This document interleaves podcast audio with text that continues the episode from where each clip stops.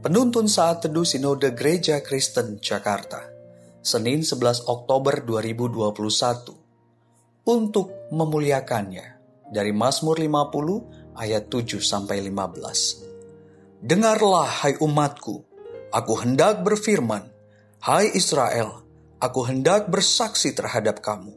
Akulah Allah Allahmu. Bukan karena korban sembelihanmu aku menghukum engkau Bukankah korban bakaranmu tetap ada di hadapanku?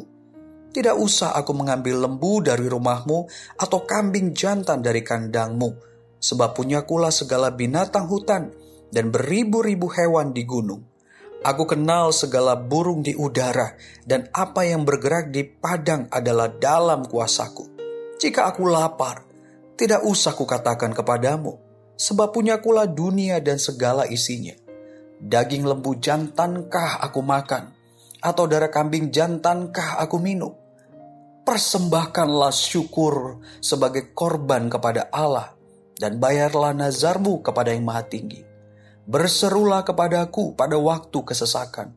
Aku akan meluputkan engkau dan engkau akan memuliakan aku. Saudara, dalam konteks nas ini, Pemasmur Asaf menjelaskan bahwa penyembahan bangsa Israel kepada Allah hanya terfokus pada sistem agama, seperti tata cara, aturan-aturan seremonial. Mereka merasa sudah menyembah Allah jika sudah memberikan kurban-kurban sembelihan. Mereka mengabaikan spirit yang gentar hormat kepada Allah. Tidak heran, dari dalam jiwa mereka sering kali keluar sungut-sungut kepada Allah – karena tidak mendapatkan kenyamanan, kesenangan, kemakmuran. Mereka merasa bahwa Allah tidak adil dengan memberikan mereka hukuman, padahal mereka sudah memberikan banyak kurban sembelihan kepadanya.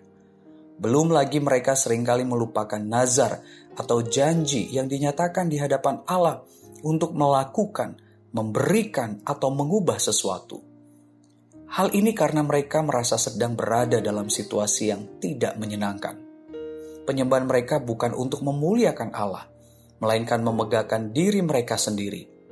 Sementara penyembahan yang lahir dari spirit yang gentar, hormat kepada Allah akan membuat mereka selalu bersyukur kepadanya dalam segala keadaan. Itu menjadi kurban yang berkenan kepadanya. Selain itu, mereka akan selalu menepati nazar kepada Allah dalam situasi seperti apa pun. Allah dapat memakai kesesakan untuk memurnikan iman bangsanya ini supaya mereka kembali memuliakannya dari dalam spirit yang gentar dan hormat kepadanya. Saudara, jika penyembahan kita kepada Allah hanya terfokus pada sistem agama seperti tata cara, aturan-aturan, seremonial ibadah, termasuk di dalamnya tentang persembahan yang kita berikan, maka kita akan memegahkan diri kita sendiri dan bukan memuliakan Allah. Tujuan penyembahan kita hanya untuk mendapatkan kenyamanan, kepuasan, kemakmuran di dunia ini. Bukan untuk mendengarkan, menaati, menghormati Allah di dalam Kristus Yesus. Tidak heran, kita akan sangat mudah bersungut-sungut kepada Allah apabila tidak memperoleh yang kita harapkan. Bahkan menganggap Allah tidak adil kepada kita dengan membiarkan kita mengalami banyak kesulitan kita merasa sudah memberi yang terbaik dengan mempersembahkan banyak uang, harta, waktu, tenaga, pikiran, dan sebagainya. Belum lagi kita mudah untuk melupakan nazar kita kepada Allah karena situasi sulit. Itulah penyembahan yang palsu. Sementara penyembahan yang benar adalah dari dalam spirit kita yang dikuasai oleh Roh Kristus akan mengalami pembaruan terus-menerus kita semakin gentar hormat kepada Allah. Dari dalam jiwa kita keluar ucapan syukur yang murni kepadanya. Kita menepati nazar kita meski dalam keadaan sulit sekalipun. Itulah penyembahan yang memuliakan Allah.